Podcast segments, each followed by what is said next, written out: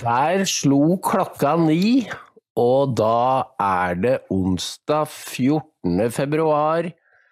Jeg ønsker Helena velkommen fra Stockholm. Hei, Helena.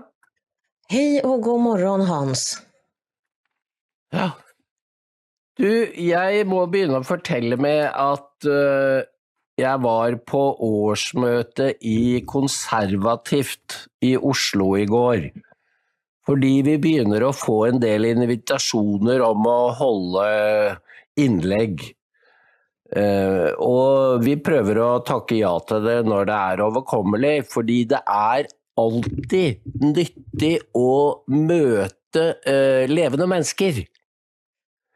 Fordi de som står utenfor det offisielle systemet i dag, de er interessante å snakke med og til. Og det er jo fordi at vårt system begynner å minne om det gamle Sovjet, eller DDR, hvor det var én offisiell versjon, og den var polert og falsk. Og hvis du ville møte menneske, ekte mennesker fra det levende livet, så måtte du møte de utenfor de offisielle partiene.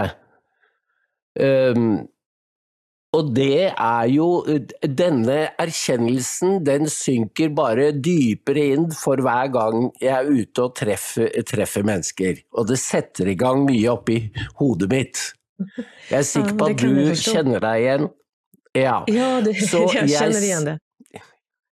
Jeg sa det til disse her at nå må jeg jo snart begynne å betegne meg selv, altså i samme bransje som deg, Helena, som en predikant. Fordi det er både et politisk og et åndelig budskap. Ja, det, det intressanta, jag tänker på det du säger här, det, det intressanta är ju att om man tittar på undersökningar som görs både i våra länder och i andra länder, så, så är ju frågorna olika. Alltså frågorna som, som väljarna och befolkningen eh, tycker är viktiga, de tycker inte våra politiker är särskilt viktiga, men frågorna som våra politiker är vikt, tycker är jätteviktiga, de är, vad ska vi säga, vanligt folk inte särskilt engagerade i. Eh, så att det är precis som du säger, man måste ju bege sig ut och det är väl det som många politiker inte gör, utan de lyssnar bara på media. Och det är ju i praktiken mm. samma sak som de själva. Fordi hvis vi skal få til noe forandring, så må vi snakke med folk og føre en åpen samtale. Hva er mulig å få til? Og da er det jo eh, det som venstresiden alltid har drømt om, nemlig å få folket med seg. Men de har jo ikke vært villige til å være talsmenn. Eh, men eh, fordi de, de, anerkjenner jo ikke Den hellige ånd. De setter Nei. seg over folket. De setter seg over folket, och då får man inte någon äkta samtale. Nej, och sen är det väl, jag, jag, skulle nog faktiskt vilja säga att det är ännu värre, därför att när folket då tycker fel, och det här kan vi ju se i hela, kan vi ju titta tillbaka hundra år på historien, så har det ju visat sig att när folket då tycker fel, eh, då byter man helt enkelt ut folket istället. Eh, istället för att ändra på sina egna frågor och övertygelser och, och bredda sin syn, så byter man ut folket istället. Ja. Men det er jo et historisk skifte fordi sosialdemokratiet ga jo opplevelsen av å representere folket fordi de innførte så mange velferdsordninger. Mm.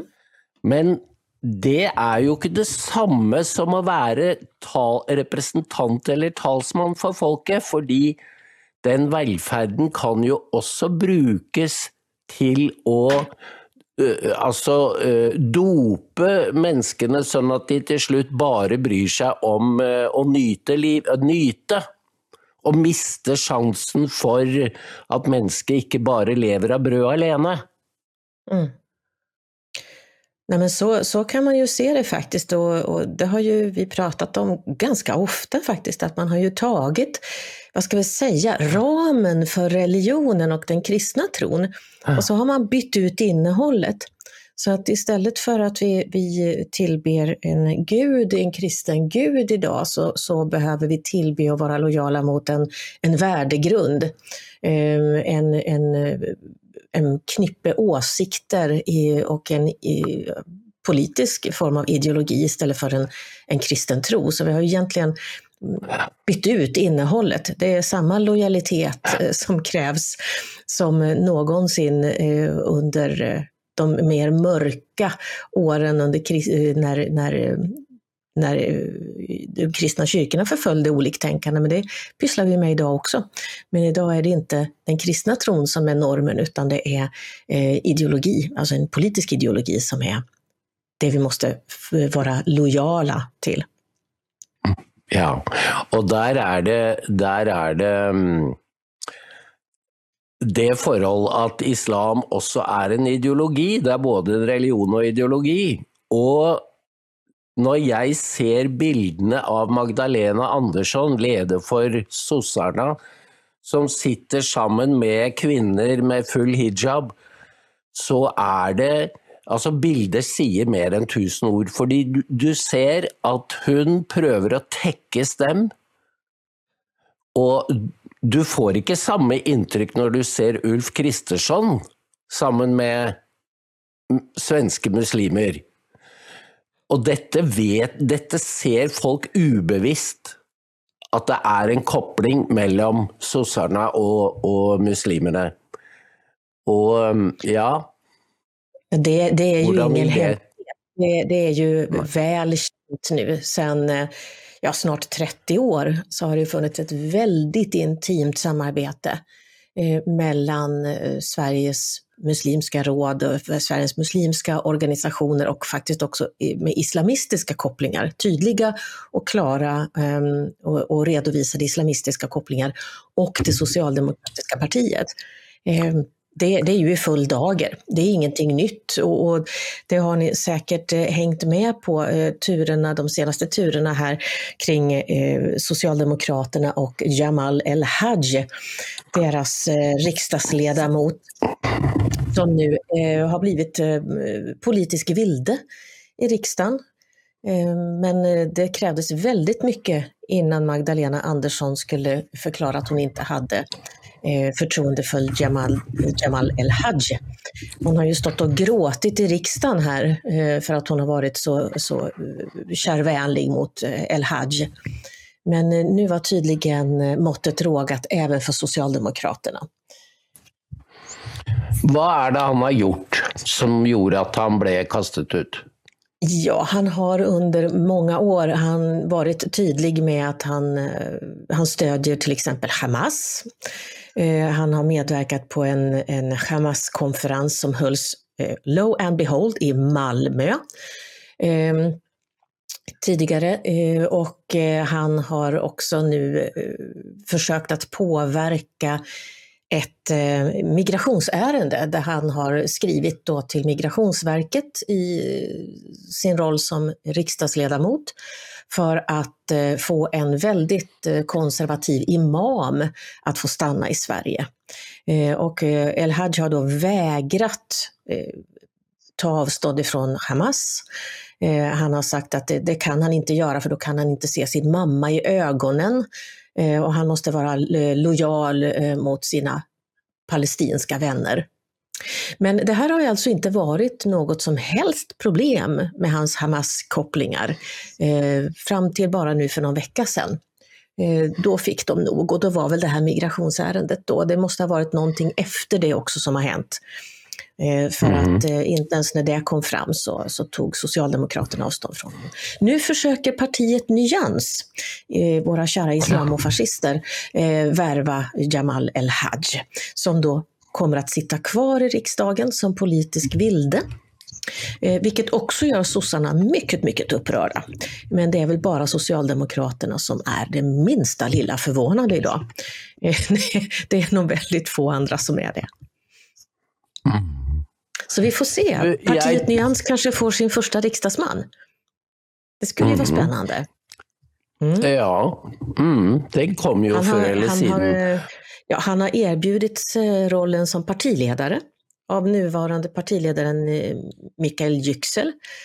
Eh, så vi får väl se om, om El Haj nappar på det. Då kan han gå ifrån att vara en socialdemokrat i mängden till att bli en partiledare.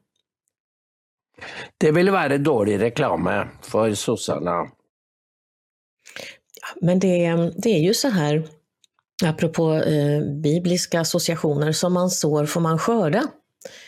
Eh, ja. Det är ju så och eh, våra svenska socialdemokrater har, som jag sa, i närmare 30 år byggt upp ett mycket, mycket starkt samarbete med muslimska och islamistiska krafter i Sverige.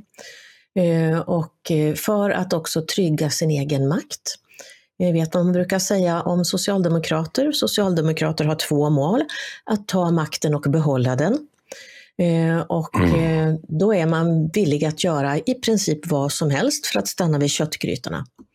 Även att, mm. att faktiskt sätta sig då i knät på krafter som har helt annan ideologi än det egna partiet har. Och där är nog de svenska socialdemokraterna speciella i Norden. För när jag ser på bilderna av Støre, han smälter inte samman med kvinnor i hijab. Han kommer og avgir, avgir eller eh, uh, de uppmärksamhet eh, men det er ikke den eh, Det er ikke den overens... Det er ikke den assosiasjonen som du ser med Magdalena Andersson, og heller ikke med Mette Fredriksen, er det en sånn korrespondans som det er med Magdalena.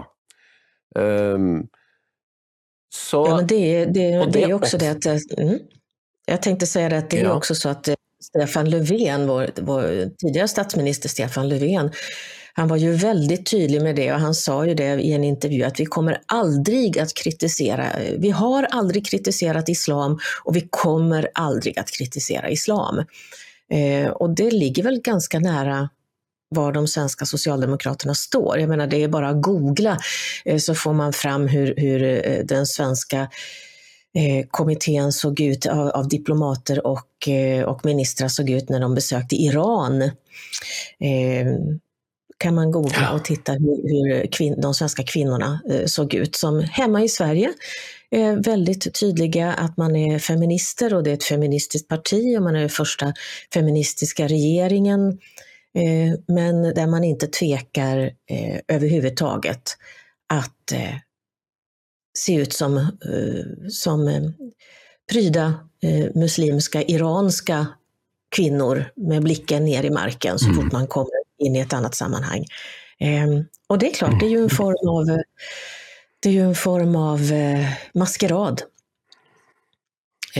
Som faktiskt ja. är väldigt kränkande mot de muslimska kvinnor som, som kämpar mot religiös klädsel. Både i världen och i mm. våra länder så är ju det här en, en enorm kränkning att inte ta det här på allvar. Men eh, lägg märke till att fordi eh, Nobelkomiteen i Norge eh, gjorde, gav för en gångs skull prisen till eh, någon som verkligen trängte det, nämligen hon eh, Nar, är det Nar, Nar, Nargis, ja, som sitter i fängelse i ja, sitter i fengsel, Evin-fengselet. Det var, eh, det var en, en god avgjørelse. Men det var jo ikke noe særlig snakk om islam da, da de var her og mottok prisen. Han, eh, deres, eh, hennes familie, eh, som det heller ikke var da jesidi-kvinnen mottok prisen. Og det blir jo ikke noe tema i media at de er fulle av propaganda for Gaza og ergo Hamas. Altså Den kontrasten og selvmotsigelsen blir jo ikke berørt eller tatt opp i mediene. Og det nuller Altså, Hamas-engasjementet nuller ut prisen til Nargis. Ja. Men det, det engagemanget är ju så allmänt. Det är ju så otroligt allmänt eh, att det inte ifrågasätts överhuvudtaget idag. Eh, Det Jeg vet är- ikke ja, det Du, altså, når jeg, når jeg snakker med folk og sitter og, og, og vi, vi, vi altså, Jeg prøver å tenke på hvordan oppfattes disse reportasjene. Fordi hver eneste gang i Søndagsrevyen, Søndagsrevyen så er det en, en hjerteskjærende reportasje om et palestinsk barn. Og det er aldri bare én reportasje med, det er minst to. Og det er en slags emosjonell utpressing som du skjønner seerne reagerer på det instinktivt. For de liker ikke å bli utpresset til å være gode. Så de reagerer med en, å støte det fra seg og si 'jeg liker ikke å bli manipulert'. Ehm, det, det som har hänt nu det är ju samma sak som vi har sett i många år. Den här otroliga polariseringen som vi också har tjatat om eh, och pekat på och velat uppmärksamma eh, seare och lyssnare på. Den här polariseringen där vi, där vi hela tiden förväntas att, att ställa oss i två ringhörnor och slåss med varann. Där det bara finns svart och vitt, det finns inga gråskalor. Ehm, och, och man belyser en sida men inte den andra. Ehm, det, blir en väldigt, väldigt eh, märklig situation. Men det är ju som du säger, eh, nu, och det, det är så. Det är otroligt tragiskt det som händer idag. Otroligt tragiskt det som händer idag. Ehm, samtidigt så är det också en, en, en reaktion. Det är en reaktion på terror. Eh, Och det är märkligt att, och jag får, tyvärr måste jag säga samma sak som jag känner att jag har sagt tusen gånger. Det är märkligt att, att eh, Israel och det judiska folket är det enda, de enda som inte får försvara sig mot terror. Vad gjorde USA eh, efter eh, 9-11? Jo, de åkte runt halva jorden för att kriga mot terror. Och, och världen stödde dem. Ingen ifrågasatte afghanska barn som dog. Eh, för att det, det var ett pris som världen tydligen var, var villig att betala, även om det har varit väl så tragiskt. Eh, men nu eh, så är det judar och det är staten Israel och då går det inte an. Då får man inte försvara sig utan då måste man liksom acceptera att, att bli utsatta för terror. Och ja, vad, vad händer med israeliska barn som, som har växt upp eh, med att bli uppryckta ur sängarna och eh, måste springa ner mitt i nätterna till ett skyddsrum eh, under hela sin uppväxt? Hur mår de?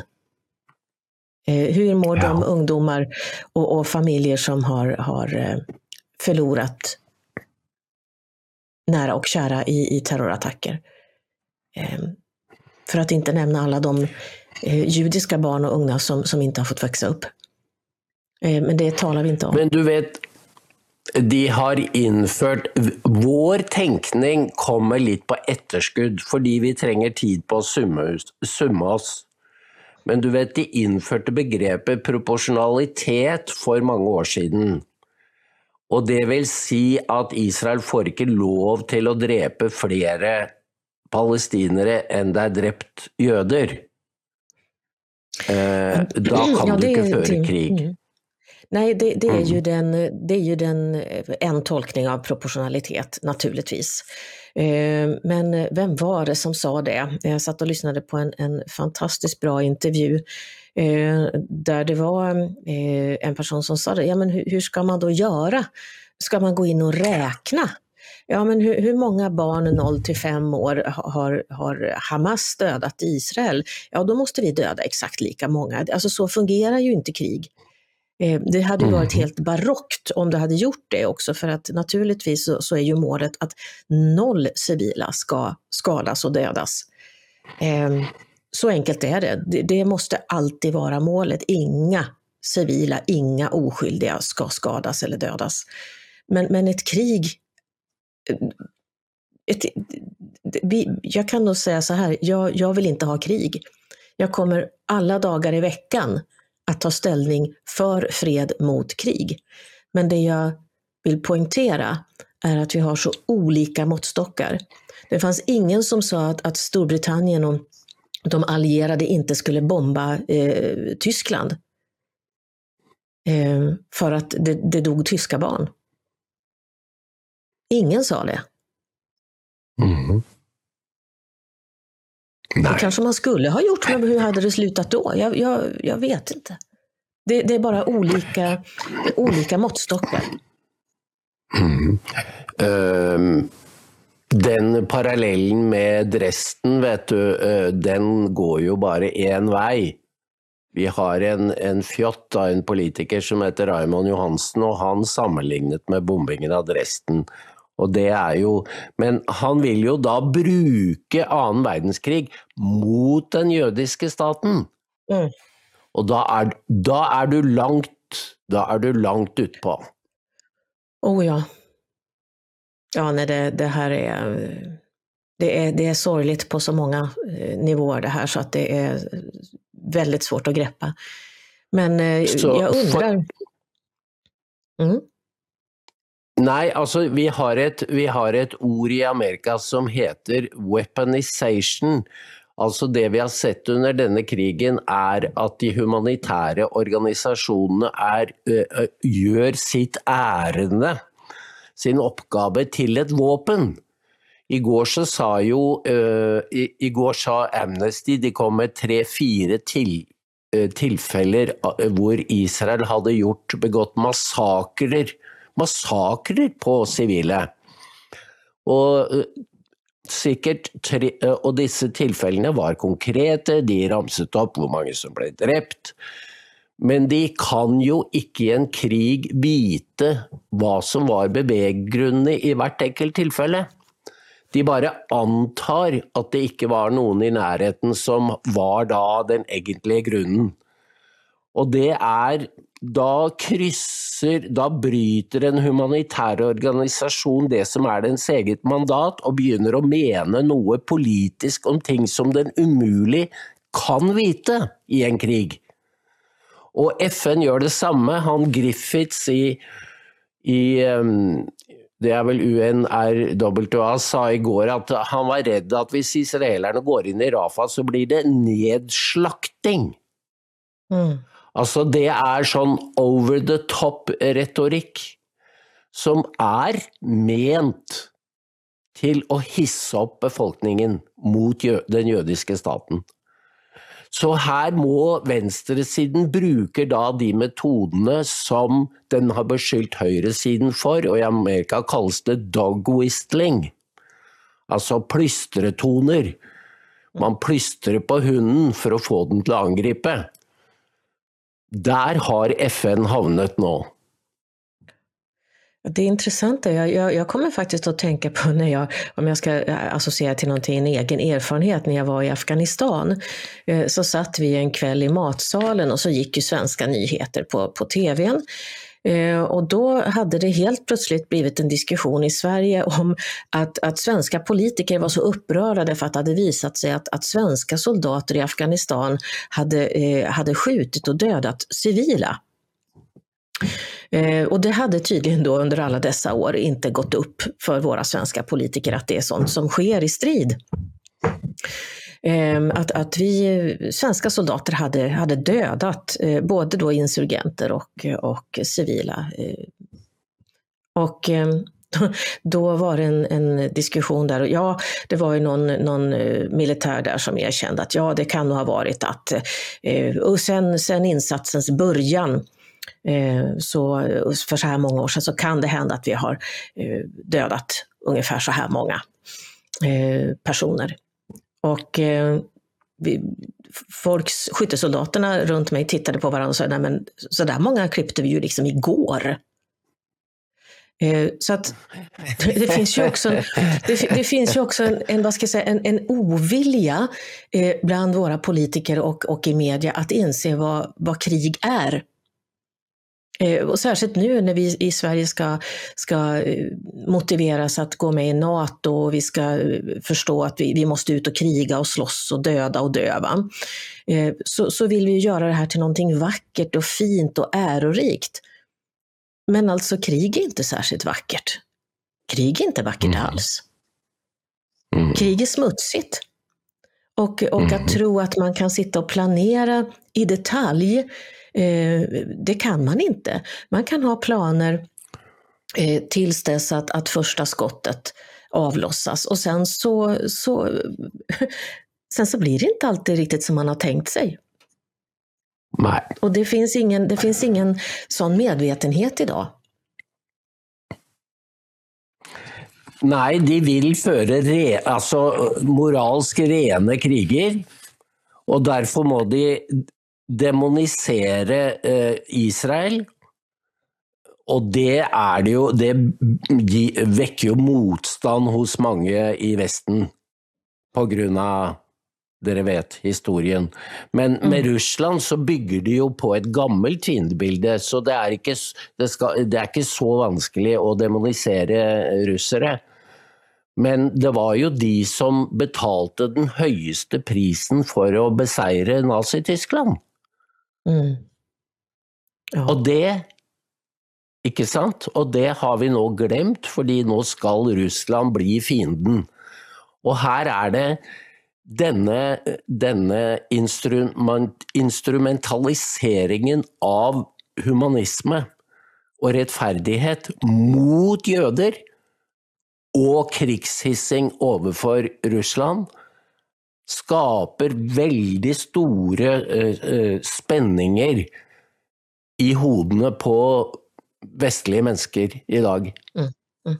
Men det som också är en poäng med att göra så här, det är att vi fokuserar, jag, jag brukar tänka så här Hans, att om någon säger åt mig att titta på en särskild punkt, eh, och, och lite grann som en sån här Kasper-docka, vifta med den i luften och säga titta här, titta här, titta här. Då tänker jag så här, men vad är det de vill att jag inte ska se? Då kanske du ska titta överallt annars utom dit där, där de säger åt oss att titta. Så att nu när vi fokuserar så mycket på Israel, vi fokuserar så mycket på Ryssland, ja men vad är det som händer i kulisserna? Vad är det som händer som är verkligt viktigt som de inte vill att vi ska se? Det är ju den intressanta frågan att ställa. Mm. Och där händer det ju väldigt mycket, eh, både i USA och, och här i Europa. Eh, så håller vi ju Mm. verkligen på att förändra våra samhällen i grunden. Men, men det är ingen som pratar om det. Utan vi ska bara prata om de här sakerna som, som media och våra politiker pekar på. Mhm. Men ja, begrepene har jo eh, I informasjonsalderen så har, er begrepene nøkkelen til politisk innflytelse og makt. Og det er et, et annet eh, fremmedord jeg må introdusere, som er moralsk ekvivalens. Har du hørt om det, Helena? Ja, du har säkert Alltså- tänkt förklara det på ett bra sätt, så gör det. Ja, altså hvis man bruker det, det at man kan, sånn som Raymond Johansen, at man kan bruke paralleller fra den annen verdenskrig mot jødene. Altså der drar man en moralsk man liker en, en, en likhet som man sammenligner, og sier altså at Israel er i samme kategori.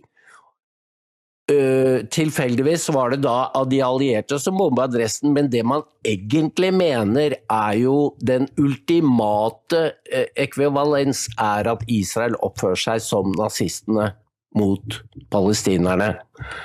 Altså det, da har man skåret den ultimate seier, fordi da er nemlig Israel moralsk utradert.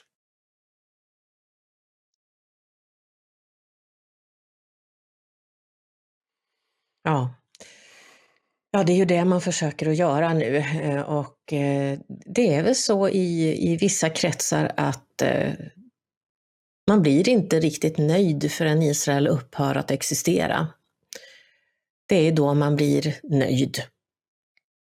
Och det absurda är att samma, samma media och samma personer som idag då sitter och försöker sammanlikna eh, Israel med, med nazismen eh, kommer ju då naturligtvis att gråta sina krokodiltårar eh, och tycka att det är fruktansvärt att Israel inte finns kvar. Men det är ju därför att man kan bara vara solidarisk med judar när juden är i extremt underläge eller död.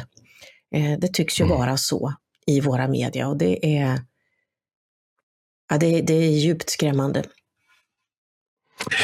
Men eh, denne, dette spillet, eh, det har jo Israel og jødene fulgt med på i mange år, og de har lært seg til å gjennomskue Europa og, og nå også USAs spill, så de kommer ikke til å gi seg. Men eh, det er verre med oss, Helena, fordi vi, det er vi som blir moralsk bankerott. Og det vi kan se nå, er jo at eh, det er samme program både i USA som i Europa, og det er åpne grenser. Det skal komme inn Du har denne eh, rett, eh, riksrettssaken mot Mallorca som ble vedtatt i natt. Den kommer jo ikke til å føre frem, men det var en viktig moralsk seier. For han har da i tre år latt grensene stå vid åpne. Og det, nå gir han uh, Hans Leitens, som er Frontex-sjef, altså som har i oppgave å vokte de ytre grensene til EU. Og det er jo forutsetningen for Schengen, det. At man skal passe på de ytre grensene. Mm. Men han sier nå i et stort intervju med Reuters, som NTB har oversatt, at nei, det er håpløst. Fordi de kommer uansett.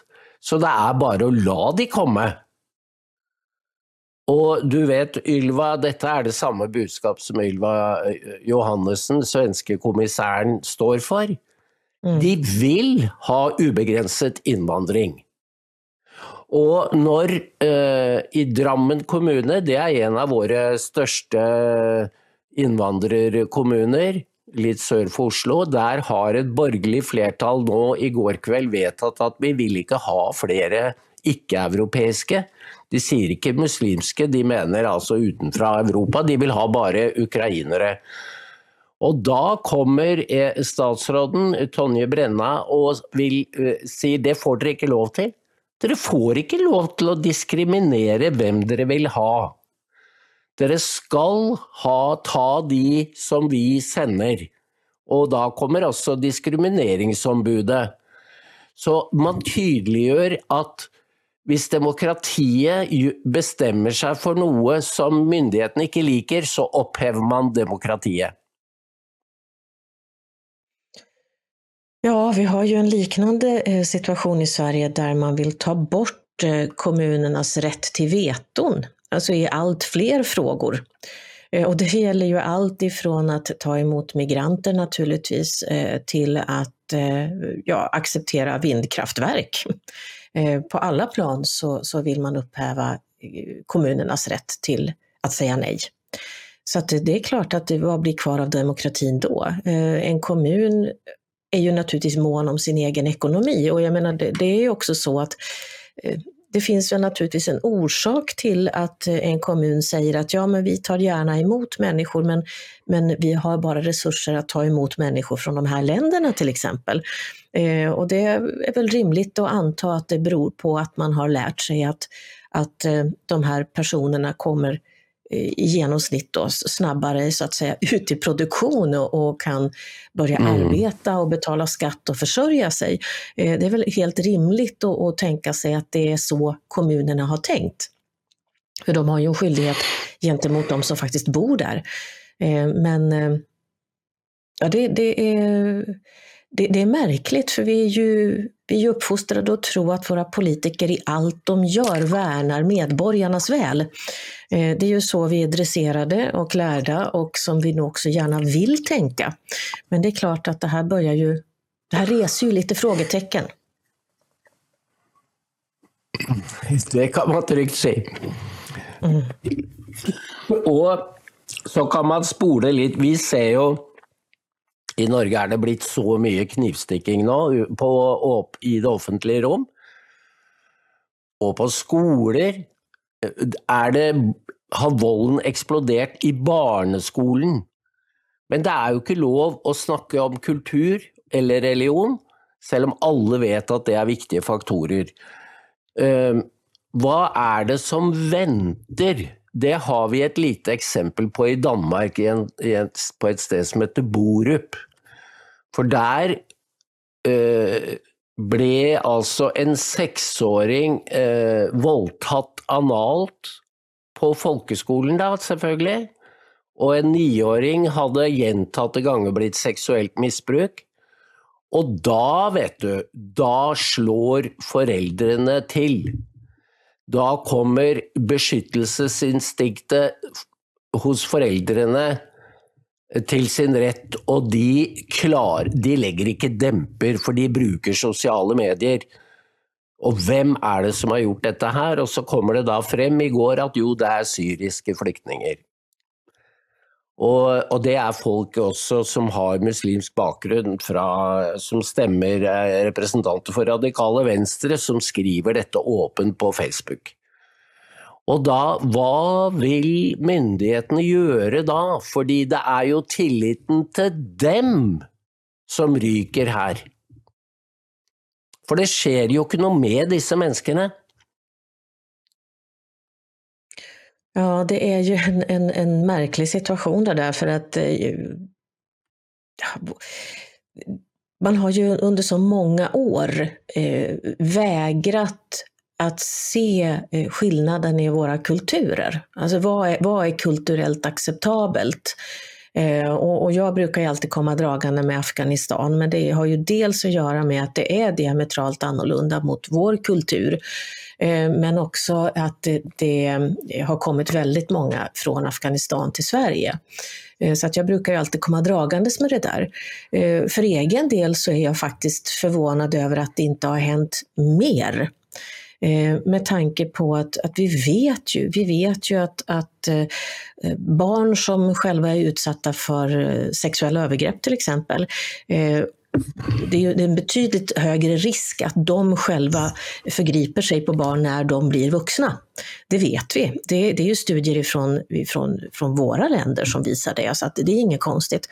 Eh, men här så vill man inte se det, eh, trots att det kommer eh, väldigt många från länder där sexuella övergrepp på barn är, är tyvärr väldigt vanliga väldigt vanliga på grund av eh, synen på sexualitet. Alltså man, man, kan inte ha eh, sexuella relationer med, mellan män och kvinnor, eh, utan då, då har man istället en, en eh, betydligt större acceptans för, för övergrepp mot barn.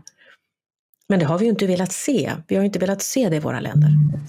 Vi har inte velat ta itu med det här. Vi har inte velat motverka det här problemet därför att det har ansetts rasistiskt att ens prata om det. Eh, tyvärr så är det då som, som alltid, det är våra barn som, som skördar frukterna av det här. Eh, det är ju våra barn som blir eh, verktyg för integrationen.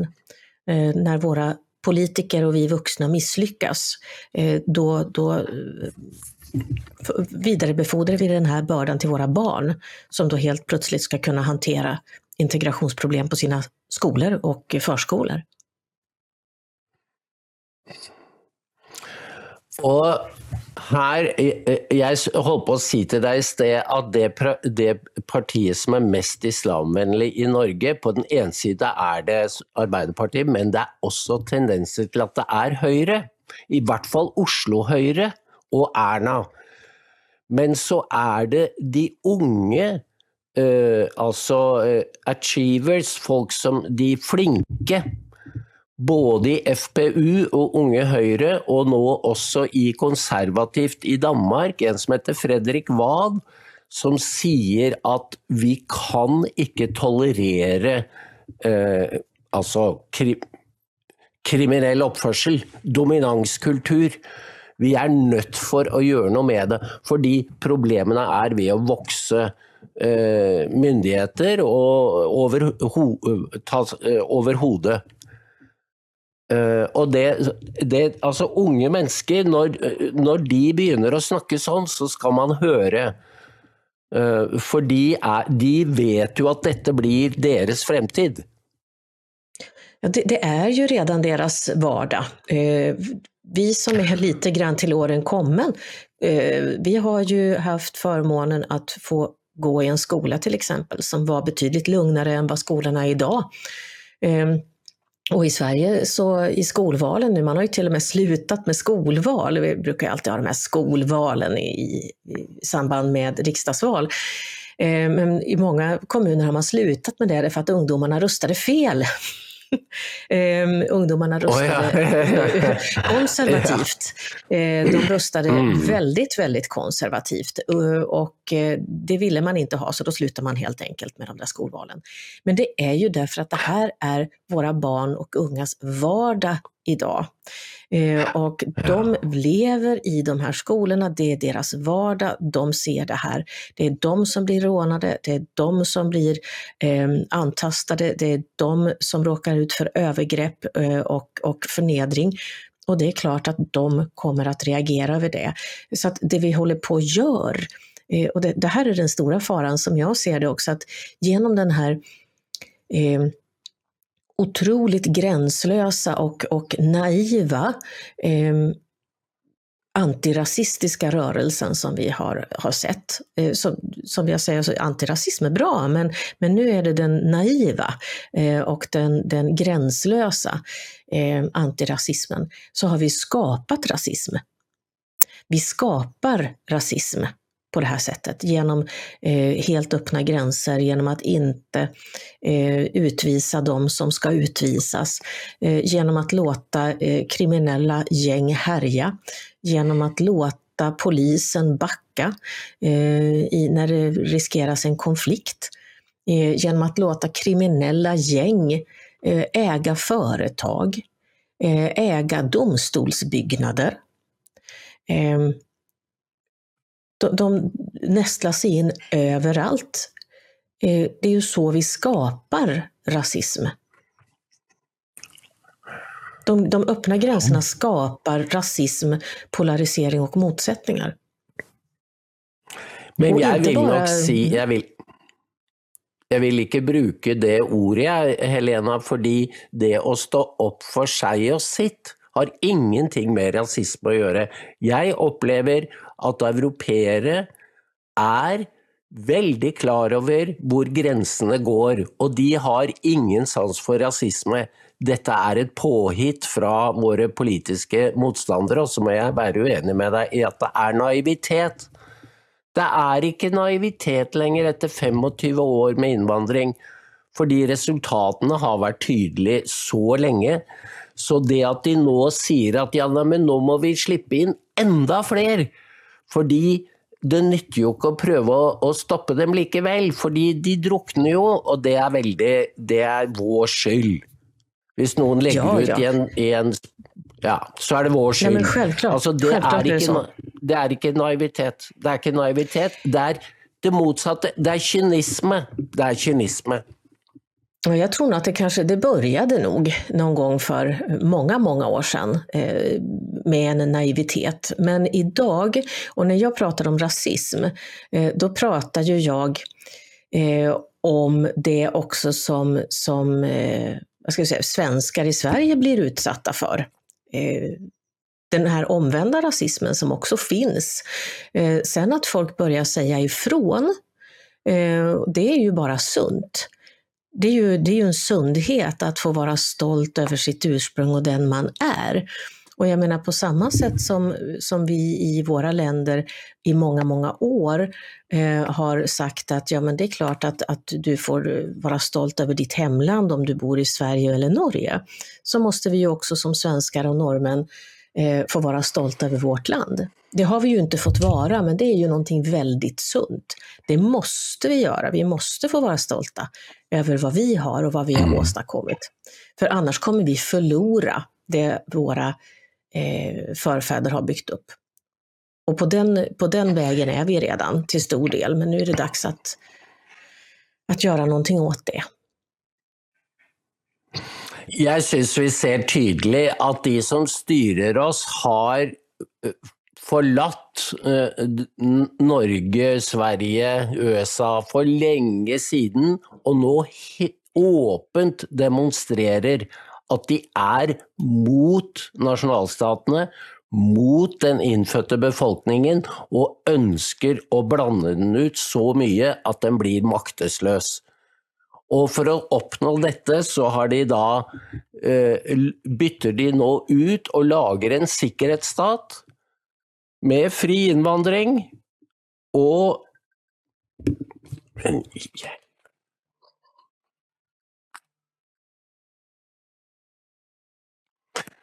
Det er noen som ikke vet at jeg sitter på ja, Det er noen som ikke vet at jeg sitter på radio klokka mellom ni og ti, skjønner du. Nei, så de, den sikkerhetsstaten er da en um, Den gjør alt om til politiske våpen, eh, både humaniteten, men også, som også blir en form for krigføring. Og den stoler selvfølgelig ikke på sine egne borgere skattebetalerne som de skal ha til å betale, så de øker avgifter og skatter, og så overvåker de oss og straffer oss hvis vi mener de skjønner at vi, vi er illojale.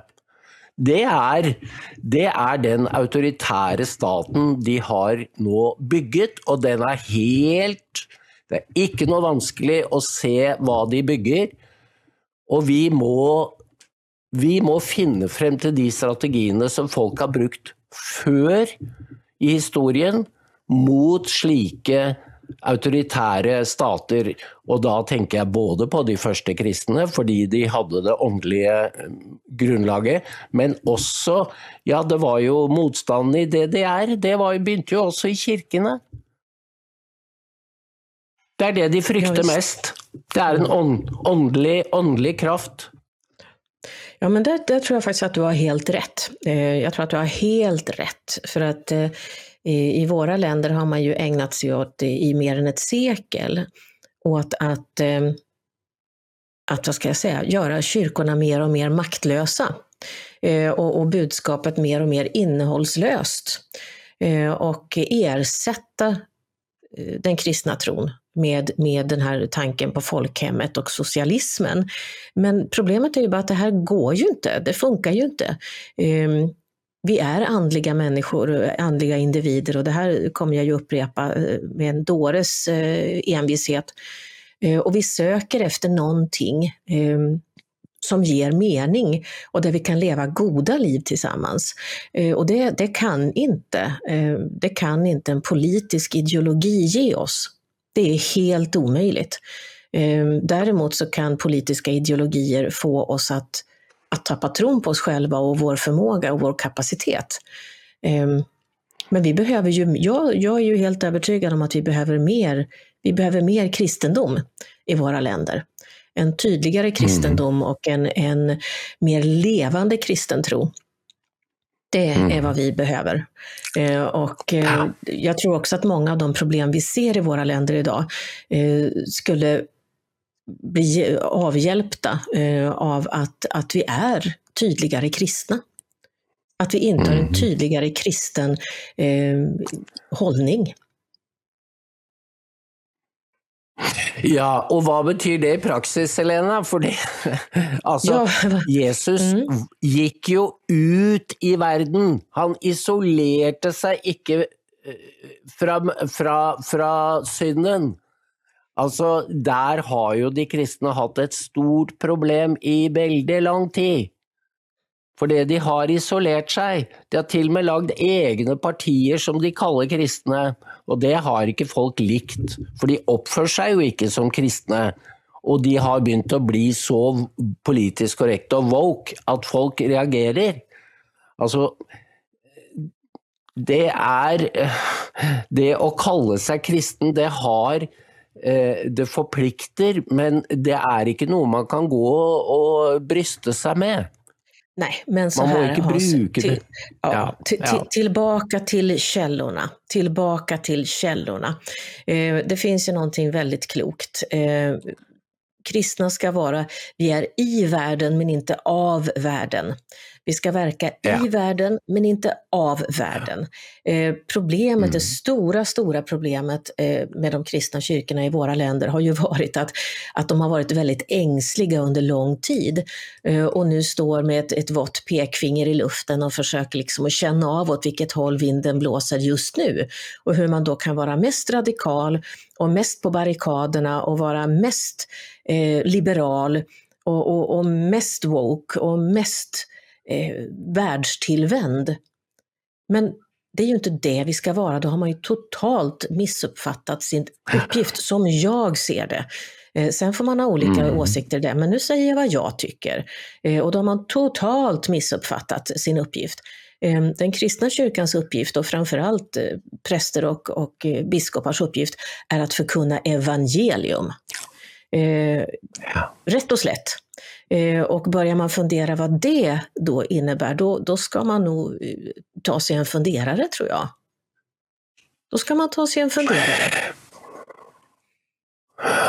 Och så är det det med eh, Da det romerske riket gick under, så forfalt ju allt, Altså også statsadministrasjonen.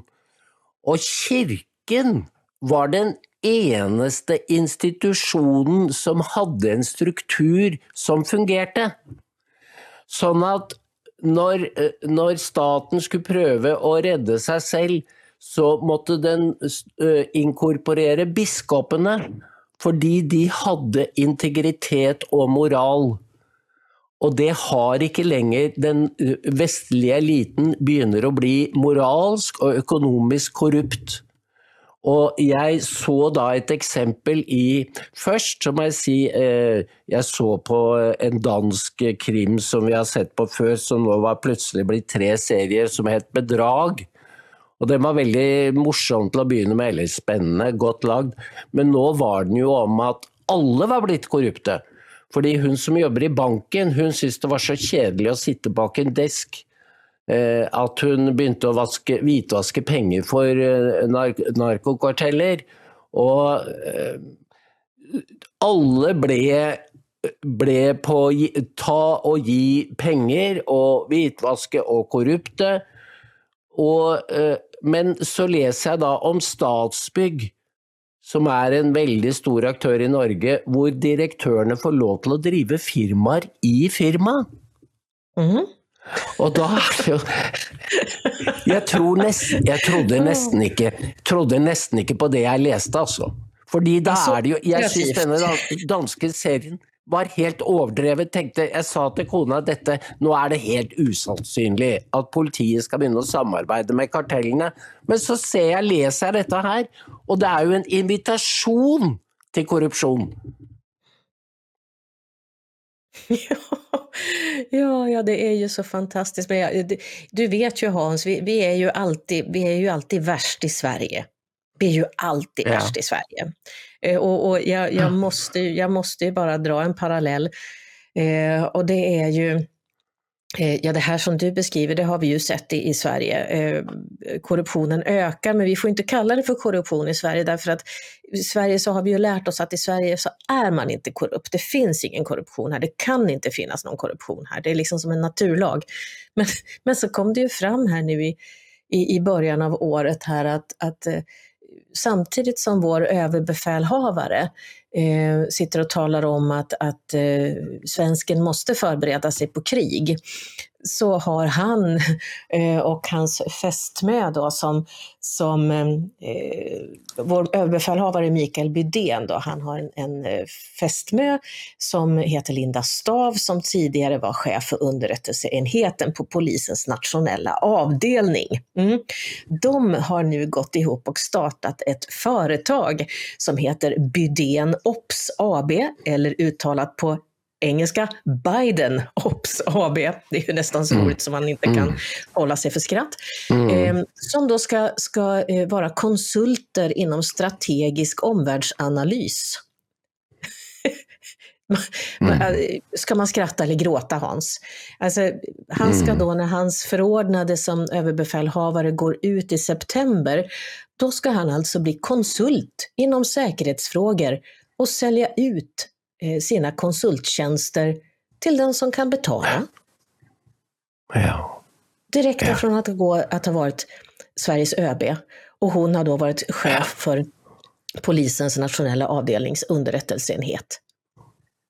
Och sen ska de sitta Ja. och tjäna pengar.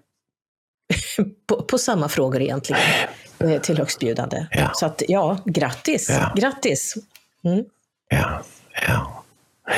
Du, eh, altså, man, man, man tror ikke at det er sant, vet du, når man hører. Men du forstår, eh, Helena, du husker vel at Transportstyrelsen hadde outsourcet eh, sitt arkiv, eller sitt, sin administrasjon, til dataselskaper i Romania og Serbia, tror jeg det var. Ja, ja, ja, var det ja, ja, altså nede på Balkan. Ja. Og de visste alt om alle svenske fordon, altså biler. De visste vekten på alle broer i Sverige. Mhm. Sånn at en invasjonshær, russerne ville jo da vite akkurat hvor de, hvor de kunne, skulle, hvordan de skulle organisere en invasjon. Ja. Og du må ikke fortelle meg altså Ut fra det du forteller nå, jeg tror ikke på at det er tilfeldig lenger. Det er noen som drar i trådene og sørger for at det blir sånn. At det lekker. At Forsvaret er som en åpen sil. Dette er ehm, Og samtidig får du inn amerikanere som skal være på, på 17 baser i Sverige, 12 i Norge og som forbereder seg nå på, ny, på krig mot Russland. Jeg syns dette er eh, bevisst. Det är någon som vill detta här. Ja, och det, det är ju omöjligt att, att straffa ut sig. Jag menar den, den äh, skandalen med Transportstyrelsen som du beskrev. Eh, det var ju Anders Ygeman som, som var eh, ansvarig minister då. Eh, men inte ens det här att han alltså har sålt ut hela Sveriges transportsystem och, och alla körkortsregister, rubbet och stubbet. Inte ens det gjorde att han blev persona non grata. Han fick, han fick liksom, ja, han fick träda tillbaka ett litet tag, men nu är han ju tillbaka igen. Ja. Nu är han ju i, tillbaka igen. Mm. Han sitter i riksdagen igen. Han har Mm. varit liksom, minister igen. Så att Mm. det här är ju liksom fullständigt galet. Och det, det är klart, det, det styrker precis det du säger. Att alla, alla de här galenskaperna, det är ju det är ju en, en plan bakom det, det måste ju vara det. Sen så får vi väl eh, anse oss vara konspirationsteoretiker då. Men eh, ja, if it walks like a duck, looks like a duck and sounds like Mm. a duck, it probably is a duck. Mm. Exactly. Der, der sa du det. Så vi har da Men da får jeg bare avslutte med å si at eh, da biskopene ble statsforvaltere, de som sørget for struktur og kontinuitet i det romerske samhället, så var det én pris de måtte betale, Helena. Og det var, i hvert fall i den tidlige kristendom, at de måtte være villige til å betale med sitt liv. Og det er jo også den prisen for moral når, når eliten blir helt korrupt. Så må, Ja. den, så må den hederlige være villig til å betale med sitt liv. Ja. Även där tillbaka till källorna. Eh, vi kommer Ja. ständigt tillbaka till samma utgångsläge. Och eh, idag så är det nog dags för oss att, att ransaka oss själva och fråga oss var står jag i det här? Eh, vad är jag villig att göra? Vilket pris är jag villig att betala? Eh, och eh, är vi tillräckligt många som, som svarar att vi är villiga att betala det ultimata priset eh, för vår frihet och, och för vår civilisations fortsatta existens, eh, så kommer vi kunna ändra på det här. Då kommer vi kunna få en, en god framtid. Ja. Det er fint. Det f- flott, flott sagt.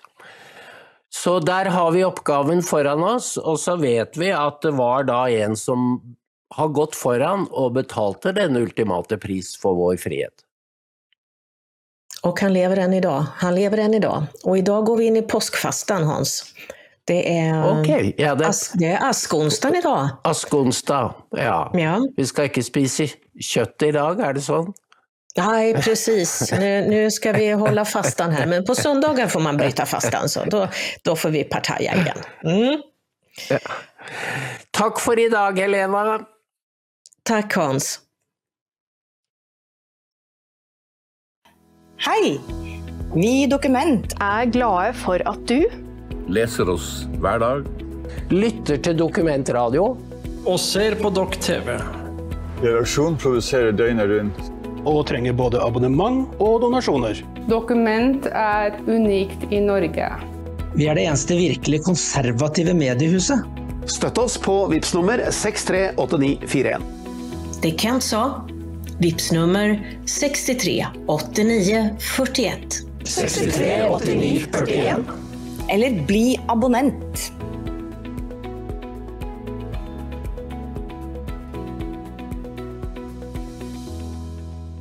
Er du lokallagsmedlem? Mm, ikke det? Nei, da har du muligheten å melde deg inn. Velkommen til oss.